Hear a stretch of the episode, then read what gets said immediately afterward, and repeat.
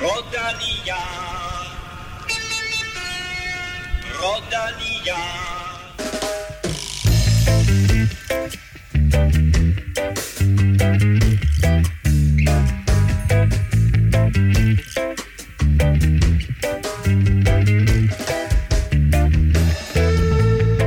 Februar går på held, og det betyder, at vi nu kan byde velkommen til noget, der minder om forår, og ikke mindst klassiske cykelløb rundt om i Europa.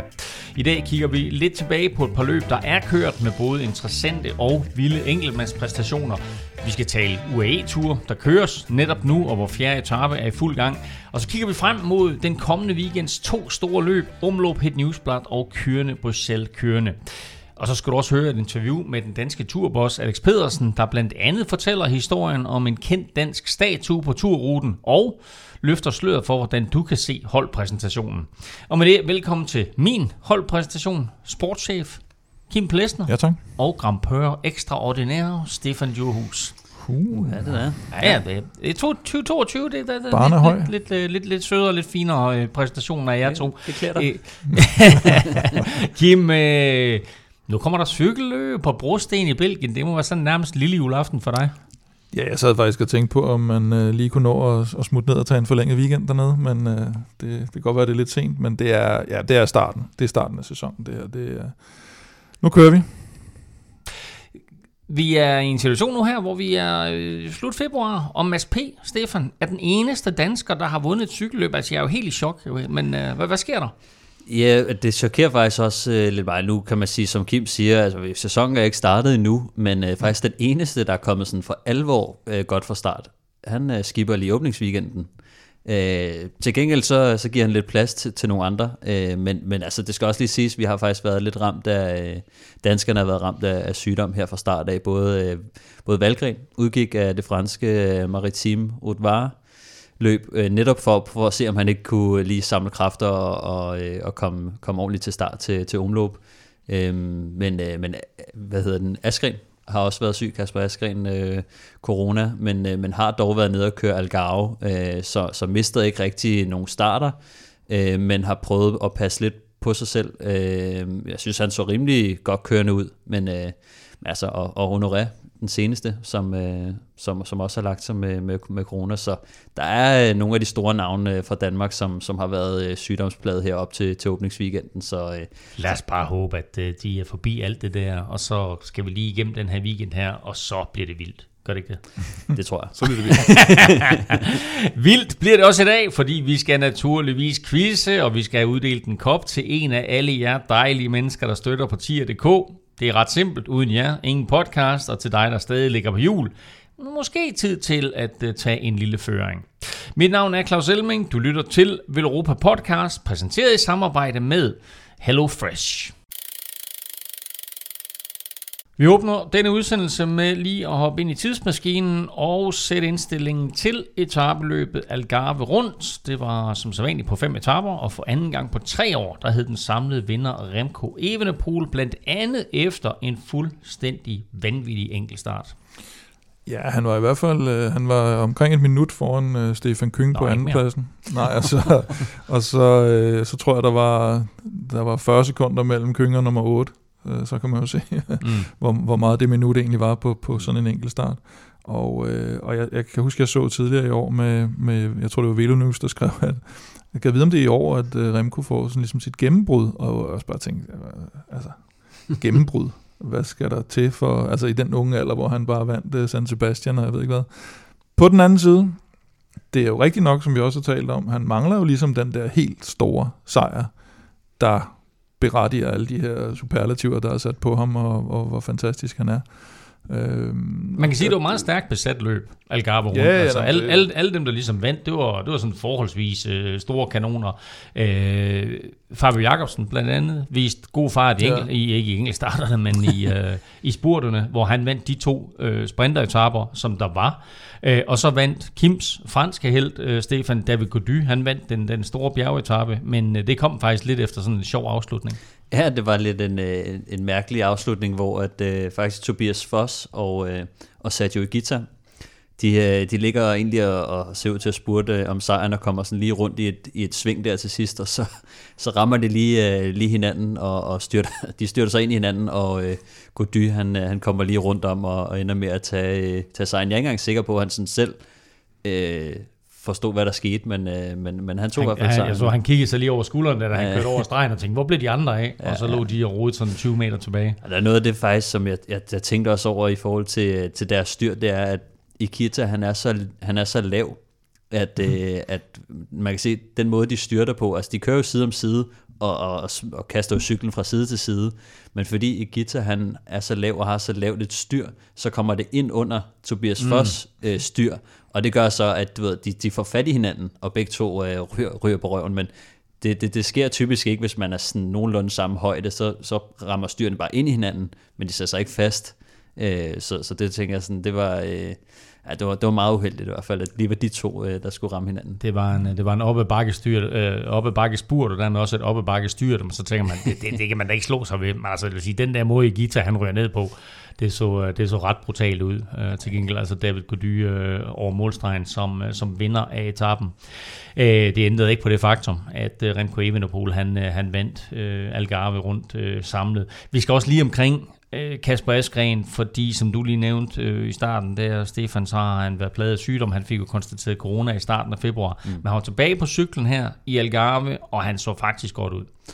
Jeg synes faktisk, han så overraskende godt ud, og jeg synes også, øh, man kunne høre på øh, Fabio Jacobsen, der blandt andet kaldte ud og sagde øh, special thanks to Askren for at, at kæmpe sig igennem og alligevel gøre sit arbejde og sådan noget, og, og så gav de ham alligevel en, en fridag på enkeltstarten, hvor, mm. han, øh, hvor han ikke kørte igennem, fordi at de, de ville alligevel gerne have, at han ikke sådan øh, skulle give sig max øh, ud, og det, det er også meget vigtigt, at at han selvfølgelig skal komme i gang igen med, at han øh, ikke øh, smadrer sig selv fuldstændig, fordi at når man kommer tilbage oven på en sygdom, så, øh, så plejer kroppen lige at, altså så, så sætter det sig lidt mere i kroppen, øh, de der belastninger der, så, så det er nok meget godt ikke at komme tilbage og, og, og vride sig fuldstændig ud, øh, fordi at øh, så, så, øh, så bringer han noget træthed med ind i, i, i åbnings, øh, åbningsweekenden her.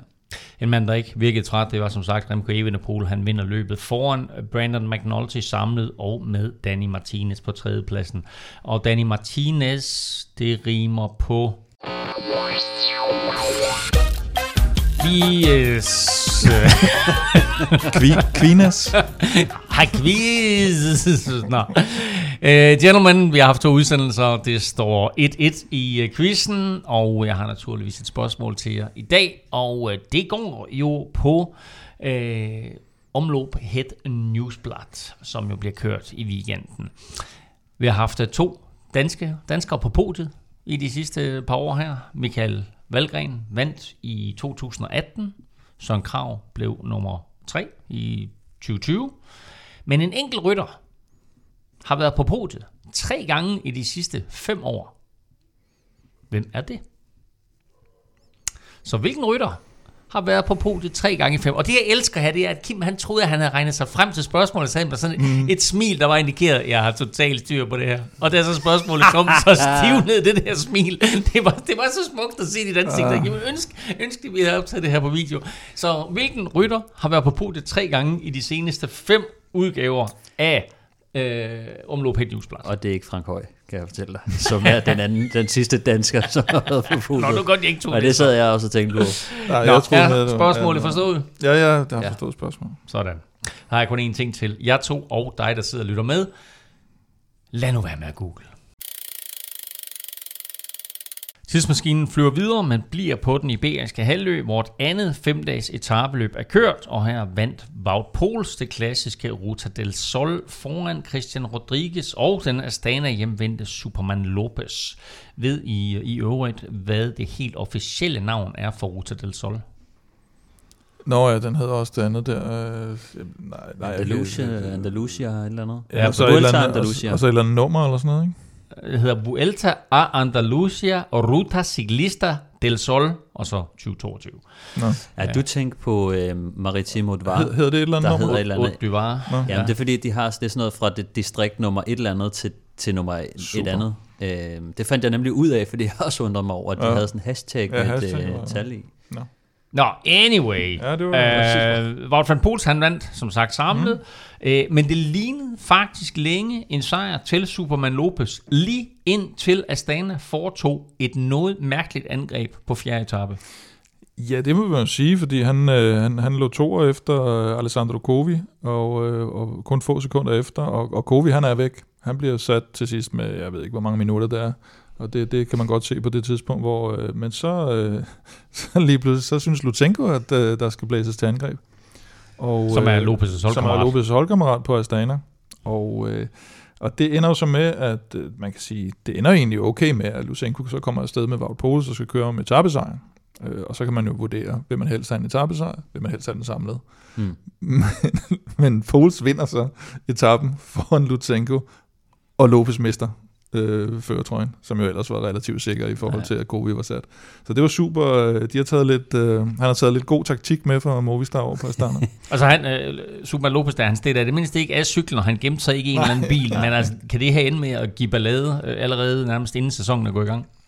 Altså, der har jo været, de, øh, specielt efter, øh, hvad hedder han, Vinokurovs genkomst på Astana, har der jo, har der jo været lidt den her med, at hjemlige rytter måske bliver favoriseret lidt. Øh, og, hmm. og, og, og nogle gange sender de nærmest en sportsdirektør ud, der ikke kan tale så mange sprog og sådan noget.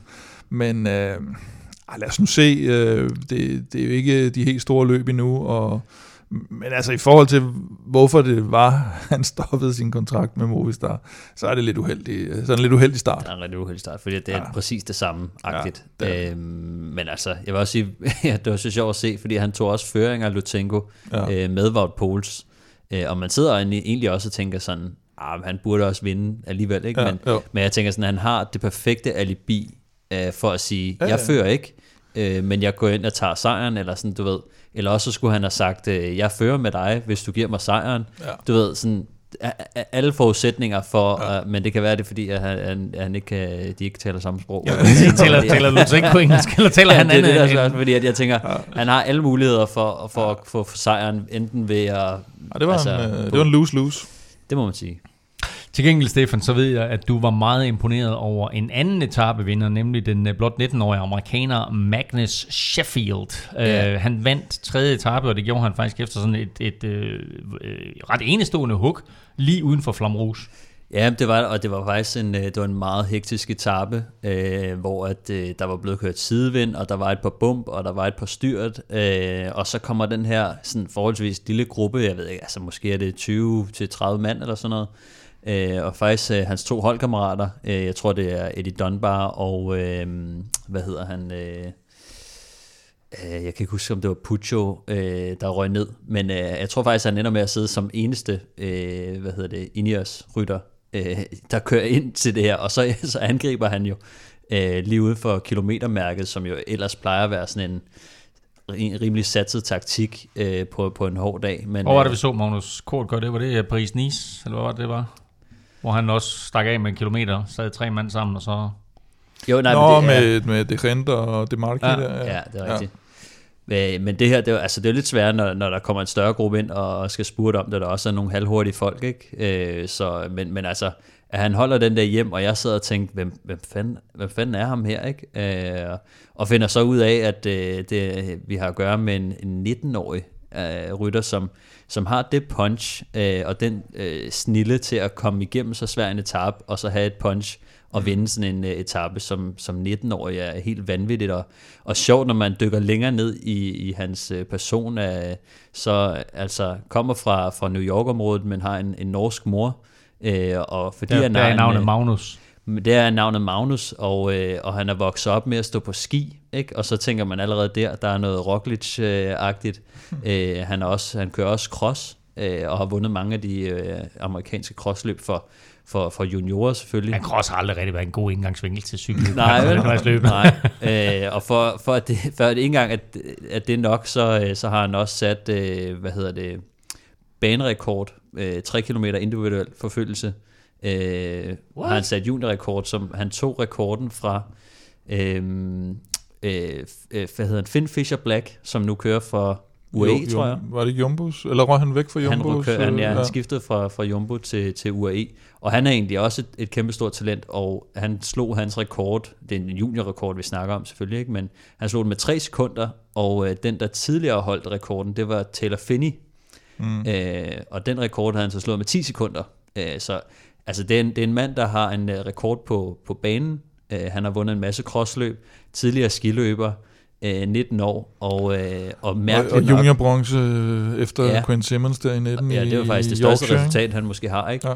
Og det, Hvad er det ved juniorbronze hvad? Yorkshire VM i 19, hvor øh, Quinn Simmons vinder. Nå, altså U23 VM. U23, Ja, ja. okay. øh, Ja, og så er han også blevet nummer, nummer 10 i, øh, hvad hedder det, U23 øh, enkeltstart øh, sidste år. Mm. Men det, det, jeg synes, der er det vildeste ved den her historie, er, at han egentlig kommer, øh, han kommer ud af, af coronasæson, skriver under med Rally Cycling, som er det her sådan halvstore eng- amerikanske mm. øh, cykelhold. Og så bryder han kontrakten med dem i øh, august sidste år. Øh, og de har åbenbart skrevet under på sådan en disclosure, at han må ikke tale om det. Men han, det, hvad jeg kunne opsnappe af, af de interviews, der er blevet stykket sammen, det er, at han åbenbart ikke har fået nok cykelløb, eller han, han op til nationale mesterskaber og, og VM, som var hans store målsætning, og sagde, at det har nok ikke hjulpet, at han ikke har fået, at han ikke har kørt cykelløb øh, op til. Mm, mm. Så der var i hvert fald en utilfreds over, at han nok ikke har fået det program, som man gerne vil have, eller ikke fået lov til at køre cykelløb. Øh, Så det er umiddelbart den forklaring, der er på det, og jeg synes bare, det lyder så vanvittigt, at han kører så stort et talent, øh, hopper af rally cycling på grund af nogle uenigheder om noget løbsprogram Men det var vel også fordi Ineos, de så der allerede havde fået øjnene op for ham, ham træneren der, jeg kan ikke engang huske, hvad han hedder, som, som godt havde lige luret, at, Ja, det, det, det, det, de godt ville ind og have napset ham, inden at der kom nogle andre måske. Det, vil det, sige, det er han selvfølgelig han- også, men han har jo skrevet, han har skrevet en toårig mm. øh, kontrakt med, med Rally, og den bryder han så i, i august, som er... Ja, efter et halvt år nærmest. Ikke? Man kan så sige, der, der, er den, der er den mulighed, der er utilfredshed omkring øh, løbsprogram.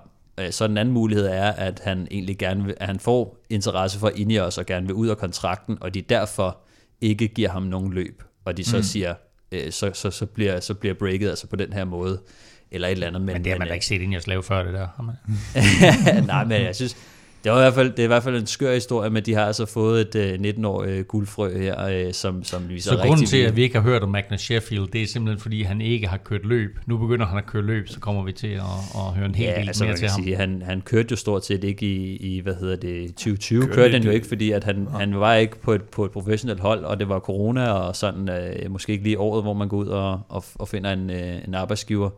Men, øh, men altså får det her mærkelige år på, på rally cycling, øh, og nu øh, hos, hos Ineos kan man bare se, hvor stort et talent han egentlig er, ikke? Og, mm.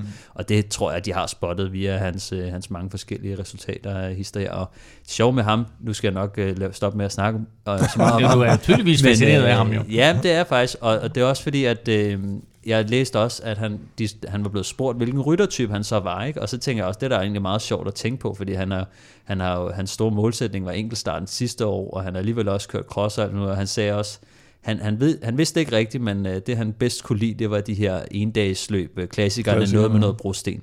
Øh, Men han skal men, også køre mere eller mindre fuld øh, forårsprogram, skal han ikke, tror jeg, jo, for, det tror jeg for. Ineos. Ja. Øh, og det jeg synes det er ret sjovt, uh, Ineos hold de egentlig kører til de her klassikere, fordi at det er hele er lidt sat op omkring uh, Tom Pitcock. Mm. Øh, så så det, det er sådan et, det er lidt ikke et stjernebesat hold egentlig. De har Pitcock, og så har de nogle, øh, nogle unge gutter, og det er egentlig meget frisk, synes jeg, Ineos, som har så kæmpe stort et budget, og så alligevel så øh, weird et hold til, til klassikersæsonen, ikke? hvor det hele er, er unge rytter af 19-årige, og, og Ben Turner, hvad han hedder, ham også øh, britiske crossrytter, som han har fået med som, som legekammerat og sådan noget. Ikke? Så det er altså bare Pitcock med, med, med, med en gang unge gutter, der skal ind og, og vise nogle store resultater. Øh, ved du, om han har norsk pas? Det tror jeg ikke, han har. Nej, vel. Nej, det håber jeg heller ikke, fordi så nordmændene, så tager de lynhurtigt øh, Nå, nej, nej. bestemt Han på ham der, som, og så øh, øh, Han har i hvert fald stillet op ved VM, ejerskab over ham, Ja, ikke? Så. Han stiller op ved VM som amerikaner nogle Ah, gange, så, ja. så det, det, Puha, det var godt. Øh, bedste dansker i Ruta del Sol blev øh, Frederik Vandal fra Bor Hans Grue, mens Mikkel Honoré kørte sådan et lidt anonymt løb. Du var lidt inde på det, øh, Stefan, men øh, det plejer at være et løb, øh, som han godt kan blande sig i det her, men øh, sygdom spolerede det lidt for ham. Ja, han har jo faktisk fået en udmærket start på sæsonen, og har igen, som vi har været vant til fra sidste år, også lidt kørt øh, som hjælperytter, men alligevel skabt resultater, selvom han skulle køre som hjælperytter. Men øh, jeg skrev lige lidt mere om her, inden, øh, inden udsendelsen, og, øh, og han havde jo fået corona tidligere, og så og kørte han øh, Ruta del Sol, og så bliver den faktisk værre, sygdommen, øh, under løbet, og, øh, og må derefter melde afbud til, til åbningsweekenden her. Og nu er det sådan lidt dag for dag, og ved ikke rigtig helt, hvornår han kommer tilbage. Vigtigt at selvfølgelig blive helt klar. Det vi var inde på faktisk de sidste to sæsoner, tror jeg. Efter der var, var det forrige år, der var sådan noget maveånden øh, helvede nede i Algarve, hvor der var en masse, der ligesom ikke kommer på højkant igen, før de begynder at køre for mange løb igen. Så, så han er jo opmærksom på, at nu skal han altså blive helt frisk, men, men håber også på den anden side, at han måske allerede kan være klar til Strade Bianche, fordi han, hans form var timet rigtig godt til, til klassikerne, så, så han er ret ærgerlig over, at, at, øh, at den lige kommer på tværs, den corona her. Aftensmad. Stressende indkøb i ulvetimen. Ingen tid til et hjemmelavet måltid. Med Hello Fresh er oplevelsen anderledes. Du får enkle opskrifter og lækre retter, som hele middagsbordet elsker. Skræddersy din måltidskasse på hellofresh.dk for friskende enkelt. Altså goodbye til Mikkel Honoré i åbningsweekenden. Til gengæld er vi glade for nu at kunne sige hello 2022 sammen med Hello Fresh. De er med som partner, og øh, det er de med et særdeles godt tilbud til dig. Hello Fresh er måltidskasser med sund og varieret kost, masser af muligheder, og du kan prøve fire uger nu med en rabat på 725 kroner. Gå ind på hellofresh.dk og brug koden VELOROPA22. Jeg bruger det meget, Stefan. Jeg ved også, I får det derhjemme. Hvad har I øh, fået i den her uge her? Vi har fået øh, chicken sushi. Nej, vi har fået, vi har fået øh, ch- øh, chicken Kiev, hedder det jo. Det er Uh, faktisk det er aktuelt, Ja, det er ja. super godt. Og det, Det er meget er aktuelt. jo øh, sådan, øh, jeg ved ikke hvorfor jeg ikke øh, tænkte på det noget før, da jeg cyklede, fordi at, øh, det var sådan basically de samme ting, øh, jeg spiste, altså rodfrugter og, og kylling, Ah. ah. var sådan, øh, var noget jeg spiste rigtig meget, men jeg, jeg fik ikke rigtig altså, lavet det på den samme måde.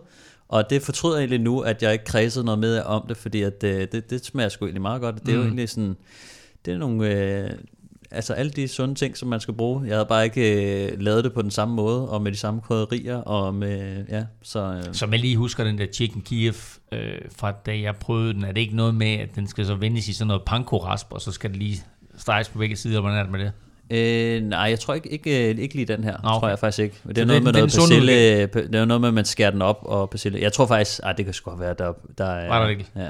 det er der sgu. Jeg tænker, jeg tænker det, er, det, er, det er i hvert fald en, en, en, god, hvad skal vi kalde det, energifyldt udgave til en, øh, til en cykelrytter. Man kan bare droppe æg og, og panko jo, så Ja, ja, bliver den lidt sundere Ja, jo. men, øh, men det fede ved det hele, det er, det er super, super nemt at lave alle de her øh, måltider, de kommer øh, i poser med alle de ingredienser, man skal bruge. Det hele det er afmålt, og det er super nemt at gå til. Og så er der sådan en lille opskrift med en farvekode.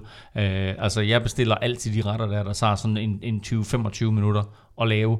Virkelig, virkelig nemt at gå til. Jeg fik selv øh, noget pasta her forleden dag, øh, tortellini, mm. med noget flødesovs og noget champignon og noget zucchini, øh, spinat, nødder. Fantastisk lækkert. Det lyder godt. Så øh, det er virkelig, virkelig nemt at gå til. Så prøv Hello Fresh nu. Brug koden VELOROPA22, så får du 725 kroner i rabat den første måned. Øh, Du kan faktisk godt finde det her tilbud andre steder, men bruger du koden VELOROPA22, så støtter du altså podcasten her. Du må også meget gerne dele koden med venner og bekendte. Gå selv ind på øh, hellofresh.dk eller bed venner og bekendte familie om at gøre det, og de kan alle sammen bruge koden VELROPA22, så er der altså den her rabat på 725 kroner. Det sidste af de tre etabeløb, som tidsmaskinen lige skal omkring, øh, det er øh, et, øh, som du nævnte lidt tidligere, Stefan, et cykelløb med det mundrette Tour de Alpes Maritime et du Var, og så åbenbart noget hashtag på. Og her der vandt Nairo Quintana foran Tim Wellens og Chilion Martin på tredjepladsen. Nu har Quintana vundet sine to første etabeløb i år. Øh, Provence og Var, øh, eller Haute øh, hvad hedder det, Tour de Alpes Maritime et du Var, som hed. Hed det før? Hed det Haute Var før? Ja, jeg tror også, mange kalder det Anyway. stadigvæk. Haute Var. Øh, sidste år der vandt han altså kun et etabeløb. Øh, skal vi forvente noget stort af ham i år? Jamen altså, han, han gjorde jo faktisk præcis det samme for, for to år siden, og vinder de her to løb.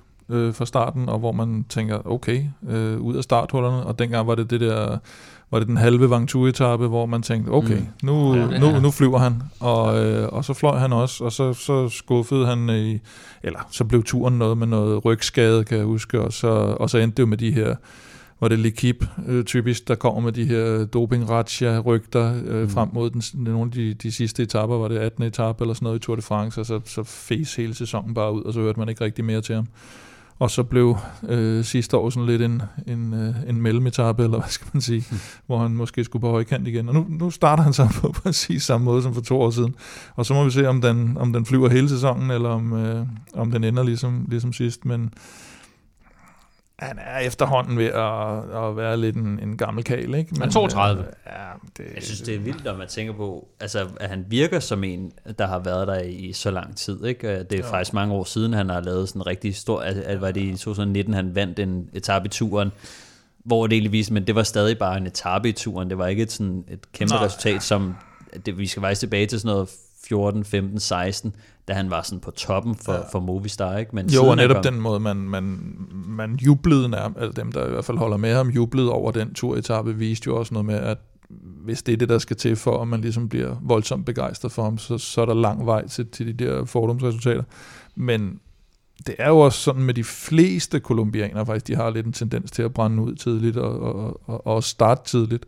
Øhm, og så skal man jo også huske på, at han kører for det her franske hold, og det er nogle franske løb, han så ligger og excellerer. Altså, mm. For sponsoren er det måske ret vigtigt, at han er i topform nu, hvorfor andre rytter, der er det vigtigt at være i topform. Men det er meningen, at han skal køre Tour de France i år, så vi må se, hvad han kan, der har været snakket meget om bjergetrøje og ham, ikke? Øh, den, den oplagte, så må vi se, om, der, om mhm. han kommer til at gå efter det. Altså for, for cykelsporten, øh, der er det der super fedt. Hvis han er i topform, det, det vil da være lækkert ja, ja, med et, et, et, navn til at presse nogle af de der slovenere der, og øh, hvem der ellers har tænkt sig at blande sig i toppen af, af, af Tour de France.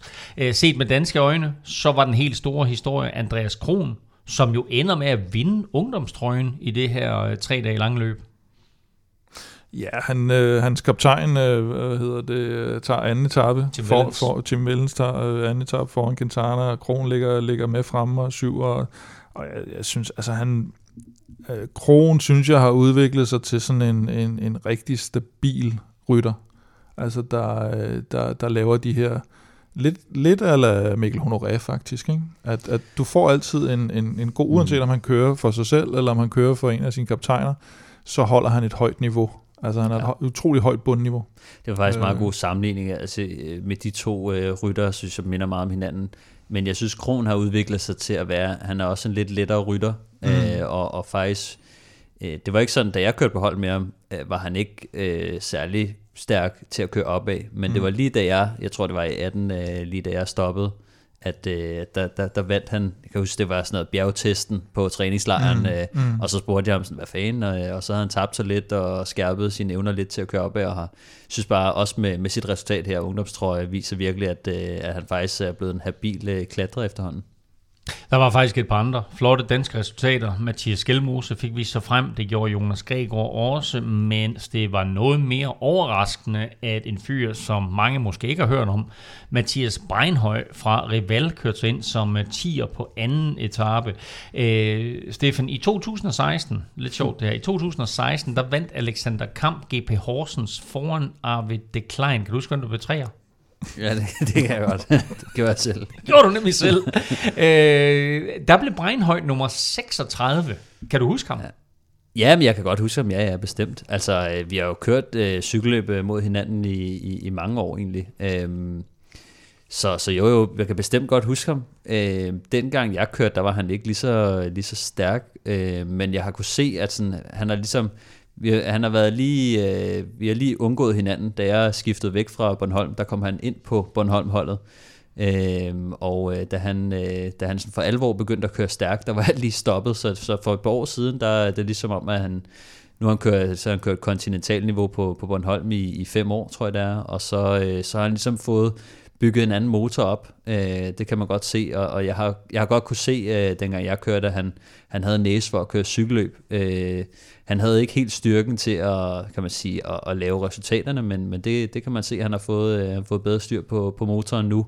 Øh, og det er også det, der gør, at han, øh, han så kan bruge sine sin evner øh, at få noget mere ud af det lige nu. Og jeg synes, det, det er ret spændende at se øh, en, en, en rytter som ham, som egentlig har været sådan, han har vist sig lidt frem i, i Danmark rundt tidligere også, øh, med, med nogle gode resultater og, og været i nogle udbrud, men, øh, men det her, det er alligevel lige et, et, et nyk op, så jeg ved ikke, om han altså han er 26 år nu, og der skal, der skal alligevel lidt fart på, hvis han skal op og, og gribe sig en, øh, en World Tour-kontrakt, men, øh, men, men leverer han mere af den her skuffe, så, så kunne det godt være, at der var nogen, der, der var interesseret, men, men det er lidt svært, altså jo ældre man bliver, jo sværere er det øh, at træde op på det der niveau, og, og vi kan huske, Øh, altså Alexander Kamp, som vi nu kører på Trek, øh, han bøvlede med det i lang tid, øh, fordi at han, øh, han, han kom ikke så godt fra start, og, og det samme kan sige som om Rasmus Guldhammer, som, øh, som jo kom op på World Tour niveau, øh, røg ned igen, og, og sådan set aldrig rigtig øh, kom tilbage igen, øh, selvom han leverede øh, en, en masse UCI-sejre, øh, eller i hvert fald øh, nogle UCI-sejre og en masse store resultater, øh,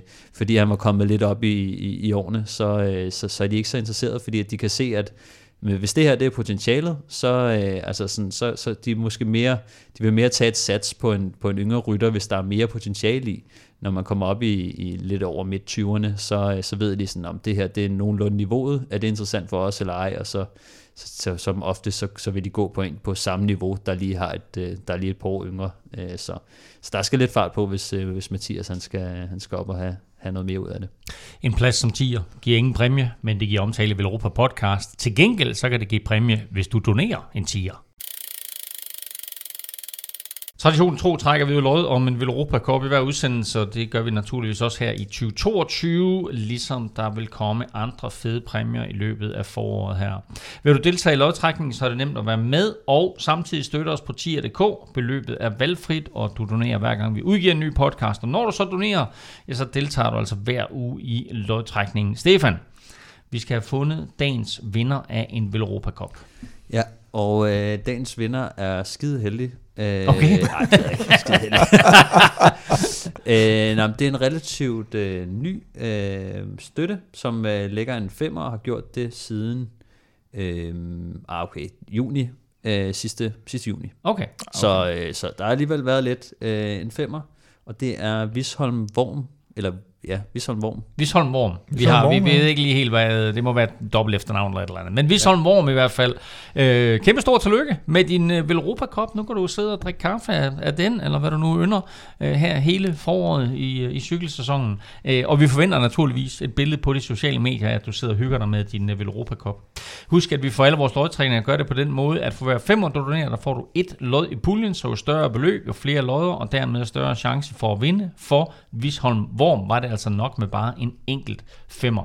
Du finder link på både velropa.dk og på tier.dk. Mange tak for støtten til alle, og tillykke til Visholm Worm.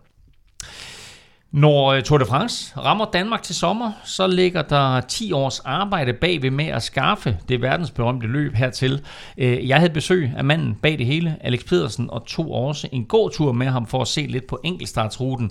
Her der fortæller han øh, om processen med at overtale stedige franskmænd, en øh, lille havfrue, der fik en uventet hovedrolle, og også om, hvor og hvordan du kan se rytterne til sommer. Alex Pedersen, velkommen i Velropa Podcast. Tak for det. Vi sidder her i øh, Studie 14 på Østerbro, ikke så langt fra Tour de France-ruten, og jeg har faktisk tænkt mig at invitere dig med ud på Tour de France-ruten lidt senere. Men øh, først og fremmest, vi sidder her, fordi du om nogen jo er manden, der har skaffet Tour de France til Danmark. Men øh, du er faktisk ikke øh, direktør for foretagende længere. Hvad er sådan din nye rolle? Jamen, øh, nu er jeg talsmand her lige før jul, øh, laver vi lidt om i organisationen, sådan at øh, jeg tager mig mere af alle de her udadvendte opgaver. Øh, der kommer flere og flere af, og øh, det nyder jeg. Det har været en enorm lang proces med at nå hertil.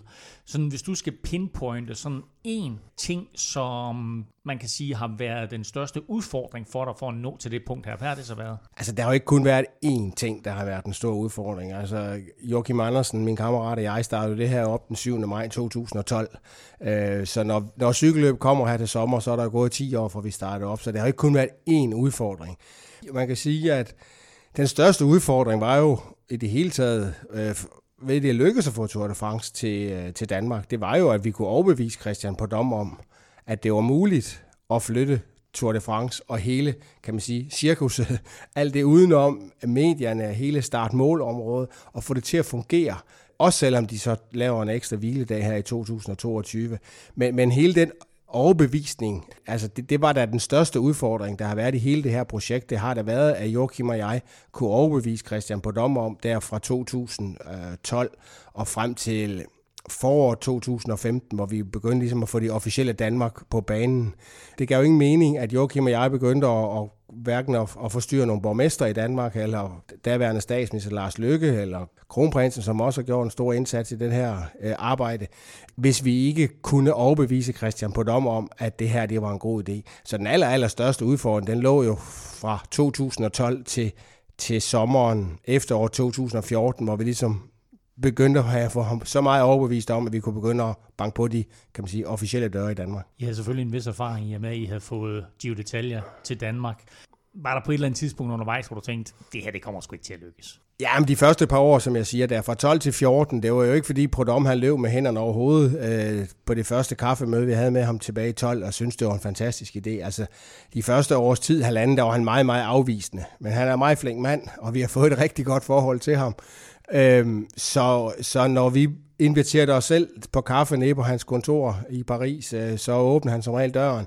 Eller når vi mødte ham ud til et cykelløb eller et cykelkonference, så var han også altid flink lige til at sætte sig og drikke en kop kaffe med os en halv time, og høre, hvad vi nu havde fundet ud af, af gode argumenter til, hvorfor han skulle komme til Danmark. Øh, fordi det er jo det, det hele gik ud på fra, fra møde til møde. Der selv han nogle, ligesom, nogle nye udfordringer op for os, som vi skulle prøve at løse. Altså noget af det første, han sagde, det var jo, jamen han ville starte i København, men han ville være i bunden af alberne en uge efter. Øh, og han ville ingen hviledag have. Det var noget af det, han testede os på der i starten. Øhm, og han vil kun flyve 45 minutter også, med, med cykelrytterne, øh, fordi øh, øh, det var jo nemt, hvis bare du kunne flyve, flyve to timer. Ikke? Men, øh, men det var fordi, at alt udstyret også skal flyttes, og hvis der ingen hvile der var, det, det var der jo ikke dengang, vi, vi startede op med det, for det ville han ikke have. Og det var selvfølgelig, fordi han ikke var vildt begejstret for at Det var en god legitim måde at, og ligesom at feje Danmark af bordet på. Øh, men vi blev ved med at hænge i, og vi fik faktisk løst opgaven, og fik ham overbevist om, at man kunne godt flyve fra Sønderborg Lufthavn og 45-50 minutter ned i Europa, og så cykle godt nok 200 km hver dag, og nogle dage også 20 km master. Men vi var i bunden af alberne øh, lørdagen efter, altså syv dage efter vi jo startede. Og det kunne han godt se. Det var ligesom den første større hurdle, da vi fik ligesom overbevist ham om, at det godt kunne lade sig gøre rent logistisk så blev han lidt mere medgørlig, men det tog altså et års tid. Der kommer også til at være øh, et øh, større arrangement nede på Kongens Nytorv, hvor der kommer sådan et lille Frankrig. Øh, kan du fortælle lidt om det? Jamen det er jo, det er jo ASO, de har jo sådan en fanpark, de har med rundt til de her Grand Depart-byer. Og derudover så har de så de sidste par år begyndt at stille den op to andre steder undervejs i de her tre uger. Det, der står på Kongens Nytorv, det bliver flyttet to andre steder rundt i Frankrig i løbet af, af, af de her tre uger. Men det er simpelthen franskmændene, der rykker op med sådan en større område, som jeg siger, de kalder det fanparken, hvor deres største sponsorer øh, vil være synlige, men, men der er en masse aktiviteter, blandt andet både for børn, men også øh, nogle storskærmsvisninger. Øh, Den åbner øh, onsdag morgen, øh, hvor der er holdpræsentation onsdag aften jo, den 29. juni, og så kører den ind til enkeltstarten af over vi er stadig lidt i dialog med, om vi kan få den, få den til at stå ind til, til, til søndag aften, til, til turen er slut her. Det er vi lige ved at finde ud af med ASO. Om, men det er jo noget med deres sponsorer. De vil måske gerne pakke det ned og, og tilbage til Frankrig, for de skal stille det op igen en otte dage senere. Og hold præsentationen, er det på Kongens Nytorv, eller er det på Rådhuspladsen? Det er ikke nogen af stederne. Det Nå. er, holdpræsentationen, det er den 29. juli, og det bliver øh, jo sidst på dagen. Sådan umiddelbart øh, vil jeg tro, det bliver omkring kl. 18, 18 til 20. Der er øh, planen, at det vil starte nede ved, øh, altså over på Amager, og så skal cykelrytterne cykle hen over Lille Langebro, og så op af Vestervoldgade, tror jeg den her, øh, op forbi Rådhuset, og så hen over Rådhuspladsen, øh, og så over til Cirkusbygningen, og over Akseltorv, og så cykle ind i Tivoli, hvor hele holdpræsentationen vil foregå inde på, på planen, øh, på scenen, øh, øh inde, inde i Tivoli vi håber på, at der kommer rigtig mange. Vi blev lidt motiveret af det, da vi var nede i Bruxelles, og se, der cyklede de 800 meter nede. Og der sagde ham, der stod for det, Thierry Gouverneau, heller ikke stod for det, men ligesom er sportsdirektør, står kontakten over til holdene, vi sagde til ham dernede, at det vil vi også have i København. Vi vil også have, at de skal cykle 800 meter der. Mm. Og siger, det kommer aldrig til at ske, fordi de bliver, for, de bliver forsinket, og det er jo en live-produktion af det her holdpræsentation. Men nu er der så lykkedes os at få dem til at cykle dobbelt så langt som i Bruxelles. du må have nogle overtagelsesevner. Så øh, nej, ja, men øh, det, det vi gør, det er bare helt lavpraktisk, det er jo, vi sikrer, at over på Akseltorv, der står der hele tiden to-tre hold og venter i sådan en lille loungeområde-agtigt noget, sådan at vi er sikre på, at øh, tv, altså live-showet inde i Tivoli, ikke bliver forsinket. Jeg var selv til stede i øh, både England og i øh, Utrecht, øh, øh, Holland var vært der, og også på, på Korsika. Og det er jo ligesom om, at den her holdintroduktion og rytterintroduktion, den er blevet større og større, og det er blevet sådan en, en mere og mere væsentlig del af hele øh, Grand Depart-oplevelsen i forbindelse med Tour de France. Ja, men det er jo der, man officielt starter, kan man sige, Grand Depart-ugen, som du selv er inde på, og det er jo, det er jo, det, det er jo der, vi, vi første gang inviterer alle mulige øh, tilskuere, borgere, både lokale og regionale, men nationale, men også udlandske turister til Danmark øh, til at opleve noget, noget af det, der sker i forbindelse med Tour de France. Det er jo holdpræsentationen. Det er ligesom det, der starter det hele op. Og øh, nu kan jeg huske øh, tilbage til dengang, jeg selv var med som sportsdirektør øh, sidst i 90'erne, først i 0'erne. Dengang, der havde rytterne jo den her holdpræsentation, og det gjorde også cykelholdene for den sags skyld også. Jeg tror stadigvæk ikke, de synes, det er skide fedt, men de ved godt, at deres sponsorer betaler så mange penge i dag, cykelholdenes budgetter er så høje, at den her holdpræsentation, det er jo også en del af brandingen. Og noget af det eneste, ASO har som krav, og de har selvfølgelig nogle forskellige krav til det, men det er jo, at, at, at alle øh, 22 cykelhold bliver præsenteret nogenlunde samtidig, og at alle navnene på rytterne bliver læst op i live-signalet. Men det er simpelthen for at sikre, at, at alle cykelhold øh, nogenlunde får de samme sekunder. Fordi så på den måde, så kan de få deres, både deres cykler og deres uh, trøje, sponsor, trøjesponsor og alt det her eksponeret nogenlunde meget. Og så er man ligesom i gang med Tour de France. Det der, det gælder om at have nogle virkelig lange holdnavne, og nogle virkelig lange rytternavne, så man ja, får lidt mere tid. Ja. Men altså, det jeg jo også vil sige med det, det er jo netop, at uh, jeg har lagt mærke til, at, at det er også en stor del af hele det her cirkus for, for tilskuerne, fordi de har en mulighed for at, at se alle rytterne, uh, som ikke bare kommer blæsende forbi, men jo stille og roligt øh, sådan øh, defilerer med, med, med 15-20 km, ja maksen der, øh, kilometer i timen, øh, så man kan stå der og virkelig og, og få et godt indtryk af, af alle holdene og alle rytterne. Ja, og nogle af rytterne vil nok også stoppe lige at lave noget, tage en autograf, eller skrive en autograf og være med til at tage en selfie eller en eller andet. Det er også derfor, vi ligesom siger, at vi, vi skal have en to-tre hold til at stå hele tiden standby mm. op på Akseltorv, så læse, at når din mor hjemme i Herning, hun ser, ser holdpræsentationen, hvis du ikke inviterer hende over, så kan hun ikke se, at der er noget, der bliver forsinket. Lad os tage en uh, god tur. Lad os gå og kigge på ruten, Alex. Jeg har, jeg har fundet et rigtig godt sted, som jeg lige vil vise dig, som, uh, som jeg tror også bliver, bliver ret interessant i forbindelse med enkeltstarten. Yes. Og nu står vi på Øster Allé, lige ved vores nationalstadion her. Hvis du kigger op, så kan du se de der plakater. Det er jo normalt FCK-spillere eller landsholdsspillere. Sådan, øh, når Tour de France-feltet kommer forbi her, er det så Jonas og Kasper og Mads P. og Valle, der kommer til at hænge der? Ja, det, det skulle du nok spørge pakken om jo. det, er, det er jo deres bygning og deres område, men det kunne da være fedt, hvis de på den måde var med til at hylde øh, turen. Øh, jeg ved, at Københavns Kommune og Parken er i tæt dialog om at få hele det her område kørt op til et, øh, et, et vildt øh, Tour de France-område.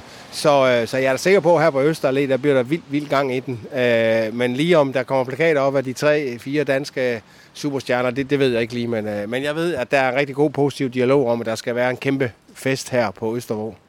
Jeg tror, vi kan udvide det til en 5-6 stykker, hvis vi tager Magnus Kort og Mikkel Bjerg og med flere med. Ja, det men det, jeg synes, der er sjovt her, det er jo faktisk at stå her nu vi står ved parken, vi står lidt i læ, fordi det blæser af pommeren til. Men nu er der, hvad er der, en, er der en 10-15 meter over til selve vejen, hvor ruten bliver kørt. Der er altså plads til mange tilskuere her. Ja, og det er også... Det er Københavns Kommune laver jo kæmpe område inde i Fælleparken, der her Festivalo, øh, hvor de i to dage i træk virkelig giver den gas. Der sker en rigtig, rigtig mange aktiviteter inden, både for børn og voksne, og både kulturelt og, øh, og cykelteknisk også, men der er også stor skærm, så man kan følge med i cykelløbet. Og det er jo netop for at, at trække folk ud og bruge. Vi har jo 13 km her i København, og der er måske 1 km, hvor der ikke rigtig kan stå tilskuer. Det er lige inde omkring start- og målområderne, fordi der er noget kommentatorbokse, og der er nogle tekniske ting til alle cykelholdene og sådan noget. Men ellers så har vi jo i hvert fald 12 km, og så kan du gange det med to, fordi de kan stå på begge sider af vejen jo. Så vi har jo 24 km her i København.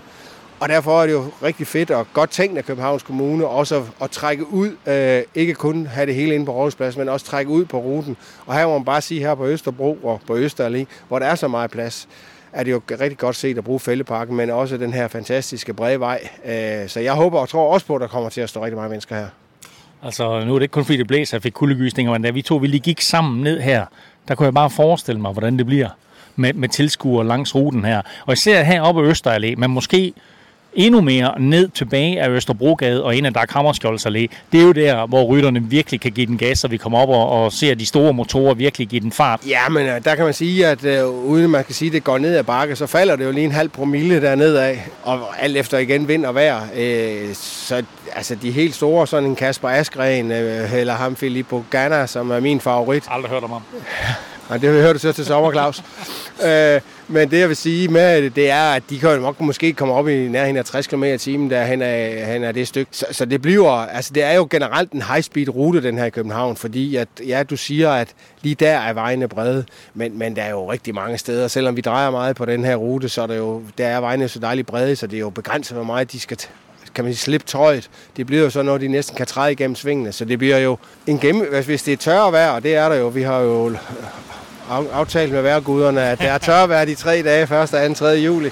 Men hvis det er tørt herinde i København, så vil jeg jo ikke blive overrasket over, at hvis vinderen kører på med 3-54 km i timen. Når de kommer forbi her og kører tilbage ind mod København, så kommer de jo ned omkring den lille havfru nede på lange linje. Men hun skulle oprindeligt slet ikke have været med. Hvorfor det? Det var egentlig fordi, at øh, da vi til, helt tilbage i 2014-15 stykker kørte rundt med franskmanden øh, Joachim og jeg her i byen, og viste dem sådan lidt, hvordan vi kunne forestille os, at ruten skulle være, så havde vi også været nede og kigge ned ved en lille havfrue. Men altså, hvis man ikke kører op på der, hvor man går og kigger på en lille havfrue, men nede på vejen der, og forbi pavillonen dernede, så kan du komme under broen øh, ved Gefjørn springvandet, men der er ikke mere end to meter asfalt. Og så er der lidt grus. Og vi tænkte bare, at hvis vi skulle til at asfaltere, det så ville det koste nogle penge, og vi har egentlig lovet alle politikerne, at vi ikke skulle ud og investere i infrastruktur, da vi første gang bankede på døren øh, med vores Tour de France-idé, da vi kom fra Jylland af med fire toget og ind til Røghuset i København. Øh, der sagde man jo lige over ved at rydde op efter Melodi Grand Prix, der havde kostet 130 millioner Øh, i underskud. Øh, så vi sagde jo også at love, at vi ikke skulle ud og investere øh, i infrastruktur og noget. Så vi tænkte bare, at det kunne ikke lade sig gøre. Det var simpelthen for smalt derovre.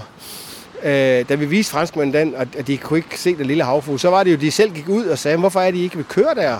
Vi kan ikke være der, det er for smalt. Og sådan noget. Men så gik de ned og kiggede, og så kom de tilbage til os, og så siger de så, Jamen altså, ja, vi forstår ikke endnu en gang ikke, hvorfor vi ikke kører der. Øh, men vi synes godt, vi kan køre der. Hvis broen kan holde til det, det er jo en gammel bro, der er deroppe ved Springvand, det tjekker Københavns Kommune så, at øh, den kunne godt holde til at køre de her cykelbiler henover, eller servicebiler. Øh, så kører vi der, sagde franskmanden, og så siger de også til os, at for øvrigt, det eneste vi kender fra Danmark af, det er jo den lille havfru. Hvorfor vil vi ikke have det i fjernsynet? og det vil vi jo selvfølgelig gerne, men vi troede ikke, det var teknisk muligt. Vi troede ikke, franskmændene ville have det. Men det var dels, øh, at det var i deres øjne simpelthen for hurtigt en rute, øh, og var bange for, at de her små... Øh, bjergryttere, de måske allerede vil tage en minut eller halvanden øh, på, de før, på den første etape. Ikke? Så derfor vil de gerne have et, et stykke ind på ruten, hvor simpelthen, ja, du, der, du kan ikke rigtig lave en forskel på tiden der, fordi der, der kan du kun køre et vis hastighed, ellers så vælter du simpelthen. Så, så der bliver lige sådan en lille kilometer der, op ved den lille havfrue lange linje, og indtil de er nede på Amaliengade, hvor de så kan, kan lukke op igen for, for gashåndtaget. Med den lille havfrue på programmet, så bliver det her nærmest også både sådan en, en, en kulturel og, og, og turisttur med alt, hvad København har at tilbyde. Nå, det, det har jo været tanken på alle tre etapper. Det er jo, at vi skal jo vise Danmark bedst muligt frem og alle ruter har vi jo forsøgt at, at komme forbi så mange ikoniske steder som overhovedet muligt, så mange kendte steder som overhovedet muligt. Det er også derfor, at holdpræsentationen det foregår i Tivoli. Det er jo også et af de største varetegn, vi har øh, i udlandet. Der er rigtig mange af de folk, der, der ved, hvad Tivoli er og den ligger midt i vores hovedstad, ikke? så det er jo selvfølgelig også oplagt at holde holdpræsentationen der. Det har ligesom været en overskrift i hele planlægningen i, i Grand Depart-ugen. Det var, at vi skal brande, sælge Danmark, med de her ikoniske steder, og så som det her cykelland, vi nogle gange også er. Jeg var til stede i, i øh, England, da, da starten var derovre, og man fik jo et helt andet indtryk både af England, men også af Yorkshire som cykelområde. Øh, er det også sådan en, en, en branding-værdi, som, øh, som I ligesom giver Danmark, og læner I lidt op af, af det, man måske så i England dengang? Nej, vi gør det på vores egen måde. vi læner os ikke op af nogen.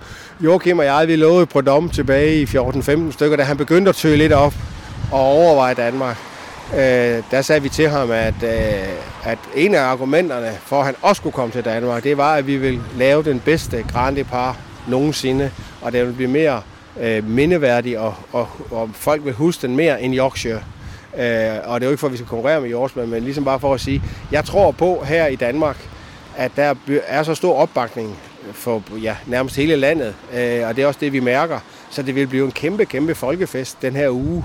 Øhm, og derfor tror jeg også, at, at Christian på øh, vil sige til os, når han tager hjem fra Sønderborg af den 3. juli, at øh, det var rigtigt det, I sagde, øh, Joachim og Alex, tilbage i 2014-15 stykker. Det her, det var den bedste Grand Par nogensinde.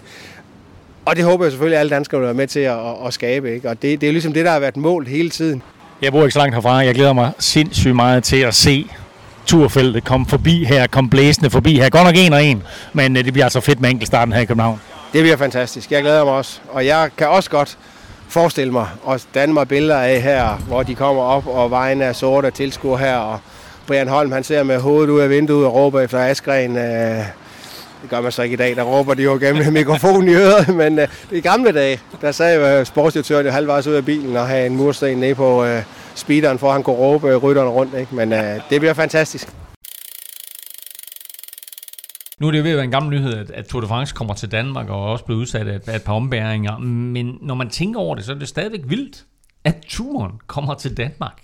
Stefan, hvis du, sådan, øh, du befinder dig meget i, i cykelmiljøet, hvad, hvad siger folk sådan i cykelmiljøet til det? Jeg, jeg tror ikke, jeg har... Øh, altså, alle har jo bare snakket om, at, øh, at hvor, hvor sindssygt det er, hvor meget man glæder sig til at, øh, til, til at se showet. Ikke? Øh, man skal ud på ruten eller op i et sommerhus, hvorfra man kan se det, og og, og glæder sig til at se øh, sidevinden hen over, øh, hvad hedder det? Storbæltsbroen. Storbæltsbroen, ikke? Og, altså, jeg, jeg, jeg glæder mig helt vildt, og, og vi håber jo også alle sammen på at se danskerne i, i aktion, ikke? Og jeg tror også virkelig, at, øh, at de kommer motiveret og gerne vil vise sig frem på, på dansk jord, fordi at alle de danskere, der, der også er med i cykelfeltet, de, de kender jo også altså vejene og kørt cykelløb på dem før. Altså, mm. øh, det, det kan godt være, at vi ikke har kørt over øh, Storbæltsbroen øh, så mange gange. Øh, det er der jo måske ganske få, der har prøvet, men, øh, men altså alle de andre øh, byer, Sønderborg og Vejle og og Roskilde og sådan noget. Altså det, det er velkendte veje for, for alle danske cykelryttere. Området så. omkring Holbæk med øh, Kakaobakken, der jo så hedder Kut uh, Kårup Strandvej eller et eller andet, nu ikke i Tour de France sammenhæng og så videre. Kut Asnes indelukke. Ja. Ja. Øh, ja, men altså, så, så, så jeg tror, altså, øh, alle, alle glæder sig jo helt vildt, og, og det bliver jo rigtig, rigtig sjovt at se, og vi, vil bare, vi håber bare, at øh, danskerne de viser sig frem, ikke? men ja, det, Kim, øh, lidt breaking news også, så har du faktisk engang været hos Team CC. det er lige så nyt, som at turen kommer til Danmark. ja, men var, var, var, var det noget dengang, som man overhovedet kunne forestille sig? Ja, som jeg husker det, så har det her rygte om, at nu skulle vi have noget, noget Tour de France til Danmark, jo været der nærmest lige siden uh, Bjarne Ries han vandt uh, turen i 96. Og jeg må indrømme, at både dengang, ikke i 96, men dengang jeg var på Team CSC, og til nærmest lige inden de offentliggjorde, og nu kom turen til Danmark, så tænkte jeg, ah, det kommer, det kommer ikke til at ske. Altså, jeg var jo nærmest den sidste, der troede på det. altså, det, det, det, det, det nærmest på pressen. Du er ellers en født optimist. Ja, lige præcis. Og det, det er der mange, der siger, men, øh, men, men der kan man tage fejl nogle gange. Ja. Nej, jeg, jeg, jeg, det har altså, og det startede jo også som en drøm, både for, for, for, for Alex her og Joachim, der har, der har været bagmændene at få det her op. Øh, men, øh, men at det skulle, altså, jeg, jeg, jeg synes jo, det er vanvittigt fantastisk, men jeg havde sagt mig ikke tur håb på det også. Med, med der, han nævner også de her, alle de her logistiske ting, og så skal der være det krav, og så skal der være det krav, og, og det har altså været, det er en sej omgang, men er du sindssygt en vedholdenhed, de også øh, de har haft, ikke? Jeg tænker også, at dengang det var i Yorkshire, mm. der tænker jeg også sådan der, det var, det var også ret sindssygt, men Danmark er alligevel lige skridtet ja. længere, ja. altså hvor jeg tænker sådan, men altså, der er blevet åbnet en, en helt ny dør for, for Tour de France, øh, vil jeg sige. Øh, også med det her step i forhold til, altså, øh, ja. det kan være Putin, han sidder og tænker, nu skal vi sætte med os. jeg tror, han er lidt, og han skal have chicken, chicken men, Kiev, øh, tror jeg. Men, øh, men, øh, nej, men, men, men der er også blevet spillet nogle tunge kort på banen. Øh, ja. noget, noget royalt, og noget øh, ja, statsminister, og noget øh, borgmester, og noget øh, Storbæltsbro, og nogle ting, og så er ikke, som, som har... Og det, det kan man, har man jo godt kunne mærke, at Brytter om, han elsker det der, ikke? fordi det er jo igen det her med, at hans løb er jo, det er jo, det er jo ære, og det er tradition Ja, og altså, historie. Den anerkendelse, øh, vi har givet øh, ham og Tour de France ja. for at få ham herop til, det, er jo- det er jo helt vildt. Altså, ja. Ja. man skal kaste statsminister og, og royalt, og jeg ved ikke Ja, hvad. ja. Og så synes jeg, det er sjovt, når man hører Alex, hvor meget han egentlig har skulle deal med i forhold til Prodom, ikke? Altså, hvor meget de skulle øh, sådan overbevise sig omkring, hvordan og hvorledes det logistiske også kan hænge sammen, ikke? Fordi vi ved også, jeg sidder også- og tænker som rytter, hold kæft, hvor gad jeg ikke. Altså sådan der, tre dage her, og så en lang tur der. Og Det er ikke rytteren, der har besluttet, at det skal Nej, starte det er i Danmark, sikkert. udover de danske det er helt sikkert. Men til gengæld så tror jeg, at, øh, så tror jeg, at det, det bliver sjovt, og, og, og en ekstra hviledag er jo et meget, ja. Ja. meget øh, plaster på såret. Ikke? Så. Vi øh, kommer løbende her i foråret til at uh, tale med både rytter og bagmænd og andre aktører om uh, turstarten i Danmark. Her der fik du altså lige et interview med uh, ham, der har fået det til Danmark, Alex Pedersen. Men nu uh, skal vi til et løb, som uh, er i fuld gang, nemlig årets første World Tour løb, UAE Tour, og her blev bjergetappen til Jebel Jais kørt i dag, og det blev ikke overraskende med Tadej Pogacar som vinder. Uh, han vandt en uh, lille kort spurt foran Adam Yates og Alexander Vlasov, og dermed så overtager Pogacar også den røde føretrøje. Men måske lidt mere overraskende, så ham der, jeg interviewede Max Pedersen, aldrig havde hørt om, Tempo-kongen, Filippo Ganna. Han ligger nummer to inden, sidste, eller inden af de sidste tre etapper. Ja, det, det, det er jo vanvittigt. Altså, det, og han sidder jo med i den her øh, gruppe i dag, altså første gruppen øh, på, på den sidste stigning, og, og godt nok så har vi jo set ham øh, også i Giroen, øh, både, både som hjælperytter og i udbrud og sådan noget, gøre det overraskende godt øh, i, i bjergene. Men øh, det her, det er sådan lidt mere noget, noget fuld finale, ikke? Hvor, han, øh, hvor han sidder med, og det, det er sgu, det er virkelig overraskende, og og øh, så bliver han slået af, af, af på enkeltstarten. Om, jeg ved ikke, om der er et eller andet med, at han måske øh, er ved at veksle noget, noget motor til noget lidt mere lethed, trods alt, øh, for, for, for nogle nye målsætninger, han skal have, have kørt hjem. Så øh, nu må vi se. Det er i hvert fald øh, i øjnefaldene. Det må man sige, det han laver i dag. Altså man kan sige, at han, han er stadigvæk en stor dreng. Uh, jeg tror, der blev sagt i kommenteringen flere gange i dag, at han vejer 88 kilo, så det er jo uh, helt vanvittigt, at han sidder med på den her bjergeafslutning. Uh, men det er jo sådan en motor, som vi har set i de senere år, pludselig forvandle sig selv fra en enkeltstartsrytter til en etabeløbsrytter. Vi har set det med Thomas Dumoulin, der i øvrigt går fuldstændig ned i år. Vi har set det med andre. Vi har også set Rowan Dennis Han går ned i forsøge- år. Det Nej, forudser ikke, du. ikke, ikke i år i dag. Han går ned i år. Jeg forudser, at han går ned i år. fuldstændig ned i år. Nej, men han gik ned i dag øh, på etappen der. Øh, vi har set Rowan Dennis forsøge det, vi har set andre øh, forsøge det, også med succes. Er, er Ganna for stor, eller kan det lade sig gøre, Stefan? Ej, ja, han er for stor. Det, er- det er helt sikkert. Øh, Jeg tror ikke, øh, Bradley Wiggins, øh, Geraint Thomas, øh, andre store, altså kan man sige, de er også øh, lidt, lidt atypisk store.